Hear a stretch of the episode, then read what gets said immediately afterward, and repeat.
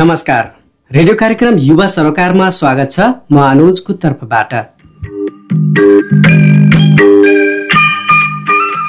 Radio कार्यक्रम युवा सरोकारमा युवाहरूको समस्या रुचि चाहना सफल युवाहरूको सफलताको कथा र स्थानीय सरकारले खेलेको भूमिका उपलब्धि र दिगोपनको विषयमा कुराकानी गर्ने गर्दछौँ। यो कार्यक्रम रेडियो गुरुबाबा एफएम उनानब्बे दशमलव सात मेघहर्ज बाँसगरी बर्दियाबाट हरेक हप्ताको मङ्गलबार साँझ साढे छ बजेदेखि सात बजेसम्म प्रत्यक्ष प्रसारण हुने गर्दछ। त्यसै गरी अतिथि अनुसार थारू र नेपाली भाषामा कार्यक्रम सञ्चालन गर्ने गर्दछौँ। युवा सरकार कार्यक्रममा आज हामी समसामयिक राजनीतिक घटनाक्रम र राजनीतिप्रति युवाहरूको चासो कस्तो छ भूमिका के छ पुरानै राजनीतिमा युवाहरू रोमलिने गरेका छन् कि कुनै नयाँ वैकल्पिक बाटो पनि हेरिरहेका छन् भन्ने विषयमा रहेर आज हामी विवेकशील साझा पार्टीको युवा सङ्गठनका केन्द्रीय सचिव रविन्द्र उपाध्यायसँग कुराकानी गर्दैछौँ। कुराकानी सुन्दै गर्दा यहाँहरूको पनि कुनै प्रश्न जिज्ञासा अथवा सल्लाह सुझाव यदि छन् भनेपछि हामीलाई जिरो चौरासी चार चारवटा जिरो चार त्यसै गरी अन्ठानब्बे एक पचपन्न उन्तिस एक सय चालिस र अन्ठानब्बे चार एकासी जिरो तेह्र एकसट्ठीमा फोन गरेर आफ्ना कुराहरू प्रत्यक्ष रूपमा राख्न सक्नुहुन्छ। र हामीसँग कुराकानी गर्नको लागि आज विवेकशील साझा पार्टीका युवा सङ्गठनका केन्द्रीय सचिव रविन्द्र उपाध्यायजी हाम्रो स्टुडियोमै आइसक्नु भएको छ। म यहाँलाई हाम्रो युवा सरकार कार्यक्रममा स्वागत गर्न चाहन्छु। धन्यवाद अनुजी। हजुर। रविन्द्रजी आरामै हुनुहुन्छ? एकदमै कुशल मङ्गल। हजुर। तपाईँ राजनीतिमा सक्रिय युवा हो है? हजुर पछिल्लो समय युवा राजनीतिमा सक्रिय छु। ए कहिलेदेखि राजनीतिमा चाहिँ यहाँको चासो बढ्यो त नि? समयगत भन्नुपर्दा चाहिँ दुई हजार बहत्तर सालमा भूकम्प गइसकेपछि चाहिँ युवा सक्रिय राजनीतिमा चाहिँ मेरो चासो बढेको थियो। भनेपछि दुई हजार बहत्तर सालदेखि चासो बढाउनु भयो राजनीतिमा। हजुर। त्यसै गरी तपाईँ अब युवा एकदम सक्रिय रूपमा लागि पर्नु भएको छ राजनीतिमा। त्यस कारणले वर्तमान राजनीतिक घटनाक्रमलाई कसरी हेर्नु भएको छ अहिलेको? धन्यवाद अनुजी। वर्तमान राजनीतिमा चाहिँ जुन खालको हस्तक्षेपकारी भूमिका हुनुपर्ने थियो जुन खालले अगाडि वर्तमान सरकार जानुपर्ने थियो जुन खालको एउटा म्यान्डेट पाइसकेपछि हाम्रो सरकारले काम अगाडि बढाउनु पर्ने थियो जनताको चासोहरूलाई जनताको गुनासोहरूलाई प्रतिपत्ति गर्नुपर्ने थियो त्यो भएको देखिँदैन। यो टुटफुटको राजनीतिले गर्दाखेरि चाहिँ अलि व्यस्तता अस्तव्यस्त देखिएको छ। यसलाई वैकल्पिक राजनीतिले विवेकशील साझा पार्टीले अङ्गीकृत गरिरहेको छ। भनेपछि यो जति अगाडि बढ्नुपर्ने हो यो सबैको नेतृत्व गर्दै सबैको सामूहिक हकितको लागि अगाडि बढ्नु पर्यो त्यो अनुसारको यहाँले देख्नु भएको छैन बढेको। छैन। जुन खालको मत सरकारलाई जनताले दिनुभएको थियो योभन्दा अगाडिको चुनावमा त्यस मत अनुसारको सरकारले डेलिभरीमा चुकिरहेको देखिन्छ। हजुर। तर सरकार त भर्खर परिवर्तन भएको हो नि त। मैले निवर्तमान सरकारलाई भन्न खोजेको अहिलेको सरकारको भर्खरै सुरुवात भएको छ। यसलाई पनि जुन सरकारमा हाम्रो हालको प्रधानमन्त्री हुनुहुन्छ उहाँको पूर्व चारवटा कार्यकाल हेरिसक्दा अहिलेको यो छोटो समयमा पनि धेरै उपलब्धि हुने देखिँदैन अनुजी। हजुर। जस्तो तपाईँ त अब राजनीतिमा सक्रिय रूपमा लागि पर्नु भएको छ तर अन्य युवाहरूको अवस्था चाहिँ के छ अहिले? पछिल्लो समयमा युवाहरूको राजनीतिप्रति जुन वितृष्णा थियो त्यो वितृष्णा चाहिँ अहिले अलिकता राजनीति गर्नुपर्छ राजनीतिमा चाहिँ युवाहरूको हस्तक्षेपकारी भूमिका खेल्नुपर्छ भनेर चाहिँ अलिकता उजाड आएको देखिन्छ। तर पनि यो जुन राजनीति हामीहरूले फोहोर बनाइरहेका छौँ यसले गर्दा युवाहरूमा अझै पनि राजनीति हामीले गर्ने होइन भन्ने खालको वितृष्णा देखिन्छ। तर पनि अब युवाहरू चाहिँ राजनीतिमा आउनै पर्छ हस्तक्षेप गर्नै पर्छ। ए जस्तो धेरै युवाहरू राजनीतिमा लागेका छैनन् राजनीति भन्दा टाढै बसेका छन् होइन? तर जति पनि युवाहरू राजनीतिमा लागेका छन् तिनीहरू ठुला सरकार अथवा सट्टा चलाउने पार्टीको लागि चाहिँ त्यतातिर लाग्ने गरेका छन्।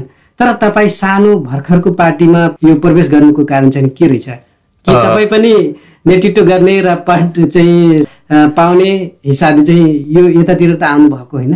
धन्यवाद अनुजी। पक्कै पनि यो हामीले वैकल्पिक राजनीतिलाई किन चुन्यौँ अथवा म चाहिँ हाम्रा जुन विद्यमान राजनीतिक पार्टीहरू छन् त्यो पार्टीलाई नचुनेर नयाँ मूलधारको पार्टीमा वैकल्पिक पार्टीमा किन आए भन्दाखेरि चाहिँ विगतका दिनदेखि आजसम्म जुन खालको एउटा डेलिभरी हुनुपर्ने थियो सरकारको त्यो डेलिभरी हुन नसकिसकेपछि आजाद भएर अब मैले पनि त्यही रुमल्लिने कि केही फरक गर्ने किनकि जनताहरूले विगतका पुराना पार्टीहरूलाई टेस्टेड गरिसकेका छन्। अलिकता प्रोग्रेसिभ धारमा हामी आउनुपर्छ र विकल्प बन्नुपर्छ भनेरै पदको मोह भएको भए त पक्कै पनि अनुजी पुरानै पार्टीहरूमा जान सकिने ठाउँ थियो। त्यो द्वन्द्वलाई चिर्दै त्यो विवादलाई चिर्दै चाहिँ एउटा अग्रगामी छलाङको लागि चाहिँ लामो यात्रा तय गरेको हो। तर अहिले चाहिँ हेर्नु हेर्दाखेरि अहिले होइन विवेकशील साझा पार्टीको अहिले युवा सङ्गठनको केन्द्रीय सचिव पनि भइसक्नुभयो। पद आखिर पाउनुभयो त। पक्कै पनि अनुजी अब पद भन्ने कुरा चाहिँ गौण हो किनकि हामी अगाडि बढिरहँदा कुनै पनि ठाउँमा बसेर काम गर्न सक्नुपर्छ र काम गर्नको लागि पद नै चाहिन्छ भन्ने होइन तर काम गर्ने मान्छे चाहिँ पदमा पुगेर डेलिभरी दिन सक्छ किनकि हामी सधैँ सडकमा मात्रै बोलेर हुँदैन हामीले जनताको मनमा पुग्नको लागि कुनै न कुनै ठाउँबाट हस्तक्षेप गर्नुपर्छ। यो भन्न चाहनुहुन्छ। एकदमै। हजुर। त्यसो भए त अब तपाईँको पार्टीको खास विवेकशील साझा पार्टीको एजेन्डा चाहिँ के हो त? विवेकशील साझा पार्टीको एजेन्डाको कुरा गर्नुपर्दाखेरि चाहिँ अ, मुख्यतः अ, हामीले स्वरोजगारीको कुराहरूमा एजेन्डा बनाएका छौँ। शिक्षा स्वास्थ्य सुशासन सुरक्षा संस्कृति सम्पदा सामाजिक न्यायका यिनी विशेष कुराहरूलाई चाहिँ विवेकशील साझा पार्टीले मुख्य एजेन्डा बनाएर अगाडि बढिरहेको छ। यो अनुसारको अगाडि बढ्ने कुरा त बताउनु भयो यहाँले। तर प्रगति त्यो अनुसारको कार्य चाहिँ कति भएको छ त? हामीहरू अहिले मैले विवेकशील साझा पार्टीलाई चाहिँ अ, प्रतिपक्षीय रूपमा हेरेको छु र हामी विवेकशील साझा पार्टी सरकारमा छैनौँ। हामी सडकबाट सरकारलाई जवाफ दिइरहेका छौँ उहाँहरूलाई सिकाइरहेका छौँ। तपाईँलाई एउटा कुराको स्मरण गराउन चाहे दुई हजार त्रिसठी सालसम्ममा नेपाली राजनीतिमा जुन खालको बन्द हडताल हुन्थ्यो जुन खालको टायर बाल्ने राजनीति हुन्थ्यो त्यो राजनीतिलाई चिरेर आज ठुला ठुला नेताहरू पनि सडकमा आएर उभिएर हामी यता छौँ भन्ने खालको जुन अवस्था आएको छ अलिकता सुसंस्कृत तरिकाले प्रोटेस्ट गर्ने आन्दोलनमा शान्तिपूर्ण तरिकाले काम गर्ने जुन वातावरण सिर्जना भएको छ विरोध गर्नकै लागि मात्रै विरोध नगर्ने वातावरणको सिर्जना भएको छ। एउटा नवीन ऊर्जाको विवेकशील साझा पार्टीले सुरुवात गरेको छ अनुजी। आदरणीय श्रोता यति बेला हामी रेडियो गुरुबाब एफएम उनानब्बे दशमलव सात मेगाहर्ज बाँसकरी बर्दियाबाट युवा सरकार कार्यक्रमको प्रत्यक्ष प्रसारणमा छौँ र हामीसँग विवेकशील साझा पार्टीको युवा सङ्गठनका केन्द्रीय सचिव रविन्द्र उपाध्यायजी अतिथिको रूपमा हुनुहुन्छ र हामी उहाँसँग विशेष गरी समसामयिक राजनीतिक घटनाक्रम र राजनीतिप्रति युवाहरूको चासो कस्तो छ भूमिका के छ पुरानै राजनीतिमा युवाहरू रोमलिने गरेका छन् कि कुनै नयाँ वैकल्पिक बाटो पनि हेरिरहेका छन् भन्ने विषयमा उहाँसँग विशेष कुराकानी गरिरहेका छौँ र यस विषयमा यहाँहरूको पनि कुनै प्रश्न जिज्ञासा अथवा सल्लाह सुझाव यदि छन् भनेपछि हाम्रो रविन्द्रजीलाई पनि फोन गरेर आफ्ना कुराहरू राख्न सक्नुहुन्छ। त्यसको लागि जिरो चौरासी चार चारवटा जिरो चार। त्यसै गरी अन्ठानब्बे चार एकासी जिरो तेह्र एकसट्ठी र अन्ठानब्बे एक पचपन्न उन्तिस एक सय चालिसमा फोन गरेर आफ्ना कुराहरू राख्न सक्नुहुन्छ। र विशेष गरी यो कुरामा यहाँ छोड्दै फेरि रविन्द्रजी जस्तै राजनीतिक घटनाक्रमसँगै अहिलेको पाँच दलको गठबन्धनको सहयोगमा नेपाली काङ्ग्रेसको नेतृत्वमा अहिले सरकार बनेको छ। र नेपाली काङ्ग्रेसको नेतृत्वमा बनेको सरकारलाई पाँच दलका गठबन्धन पार्टीका नेताहरूले स्वागत योग्य भन्दै संविधान र संहिता पनि जोगियो भनेका छन्। तर तपाईँको विवेकशील साझा पार्टीले नेपाली काङ्ग्रेसको नेतृत्वमा बनेको सरकारलाई स्वागत योग्य मानेको छ त? पक्कै पनि अनुजी विवेकशील साझा पार्टी मूल्य मान्यतामा विश्वास गर्ने पार्टी हो। हामीले यस खालको जुन निरङ्कुशता हाबी भएको थियो जुन खालको दण्ड हिंडाको प्रकाष्ठ नागेको थियो जुन खालको अधिनायकवाद र सामन्तवादको अङ्कुरण भएको थियो त्यसलाई पछिल्लो समय सर्वोच्चले जुन खालको काम गर्यो कार्य गर्यो त्यसलाई हामीले स्वागत गरेका छौँ अनुजी। त्यसको लागि तपाईँहरूले मैन बत्ती समेत बाल्नुभयो स्वागत गर्नुभयो। हामीले पक्कै पनि अनुजी धेरै ठाउँमा मोमबत्ती बालेर दीप प्रज्वलन गरेर सर्व सर्वोच्चको आदेशलाई स्वागत गऱ्यौँ। तर तपाईँकै पार्टीको अध्यक्ष होइन रविन्द्र मिश्रजीले संहिता खारेजी गर्ने र धर्मनिरपेक्षताबारे जनतामाझ जनमत सङ्ग्रह गर्नुपर्ने र गणतन्त्र धराप परिसक्यो भन्ने कुरा बताउँदै उहाँले हिँड्नु भएको छ नि त। धन्यवाद अनुजी यो सर्वप्रथम मैले यहाँलाई के कुराको जानकारी गराउन चाहेँ भने विवेकशील साझा पार्टी सामाजिक न्याय समावेशिता सङ्घीय लोकतान्त्रिक गणतन्त्रको जगमा बनिरहेको एउटा प्रगतिशील पार्टी हो।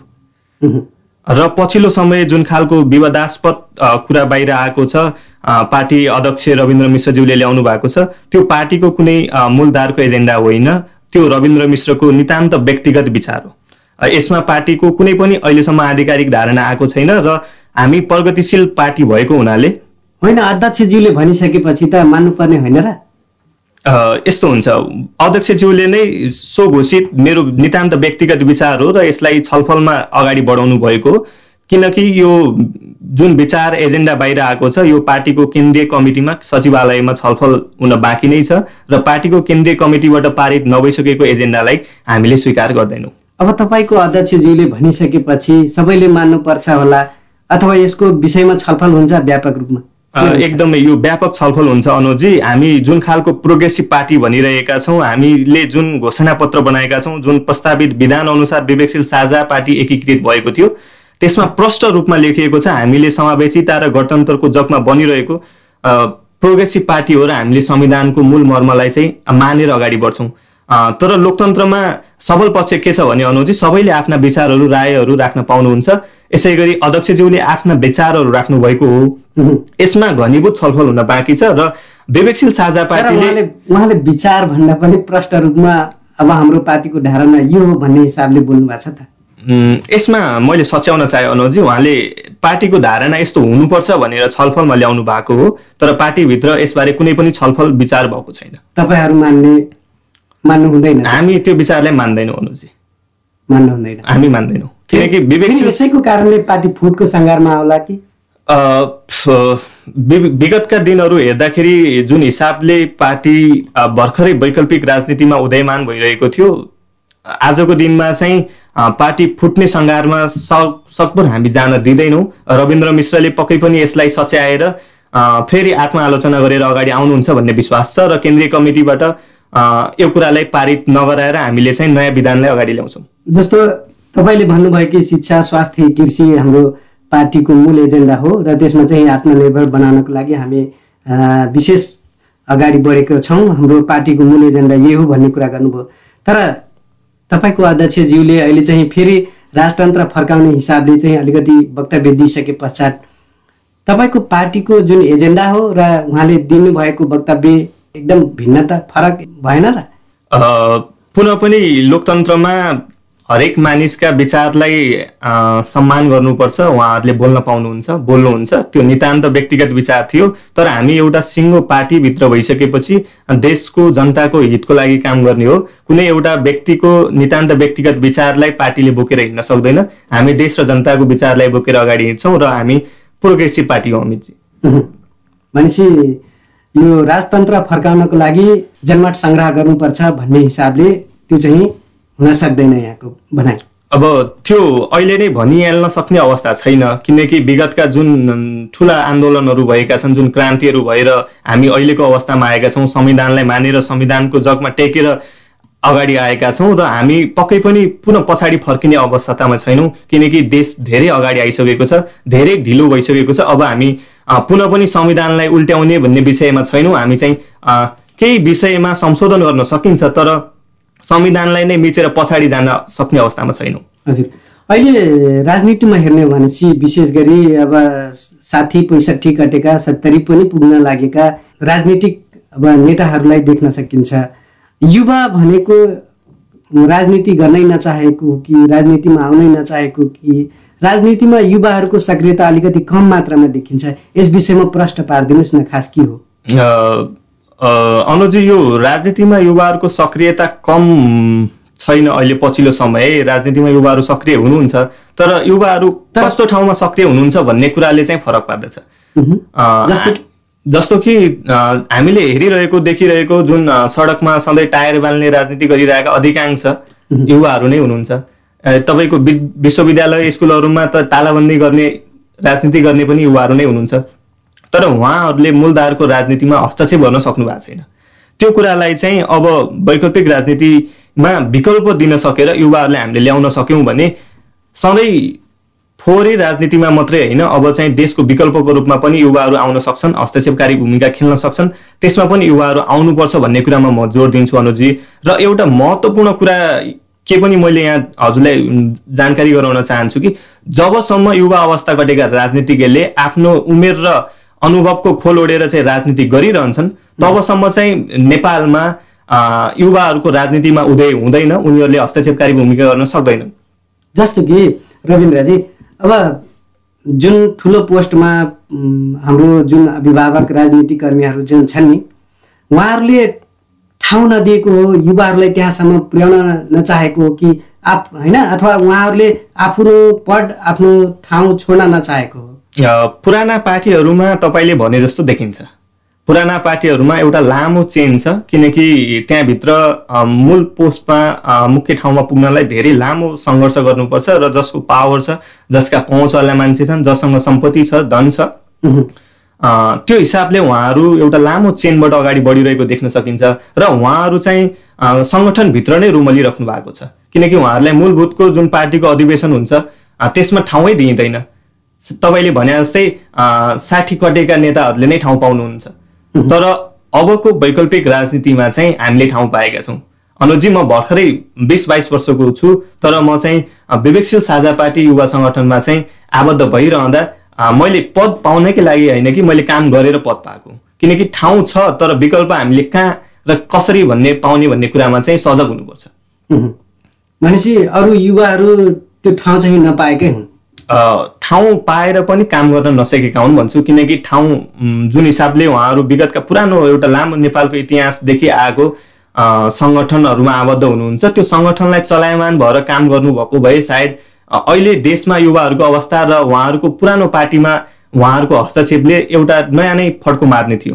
होइन युवाहरूले सकारात्मक कामतिर भन्दा पनि नकारात्मक आन्दोलन भयो टायर बाल्ने भयो के के भयो होइन नारा जुलुस गर्नेतिर चाहिँ युवाहरू चाहिँ अलिकति सक्रिय यहाँको बुझाइअनुसार सक्रिय देखिन्छन्। तर राम्रो काम गर्नको लागि चाहिँ ठाउँ नपाएको भन्ने अनुसारको खाम काम गर्नै नसकेको भन्ने अनुसारको यहाँले जानकारी गराउनुभयो।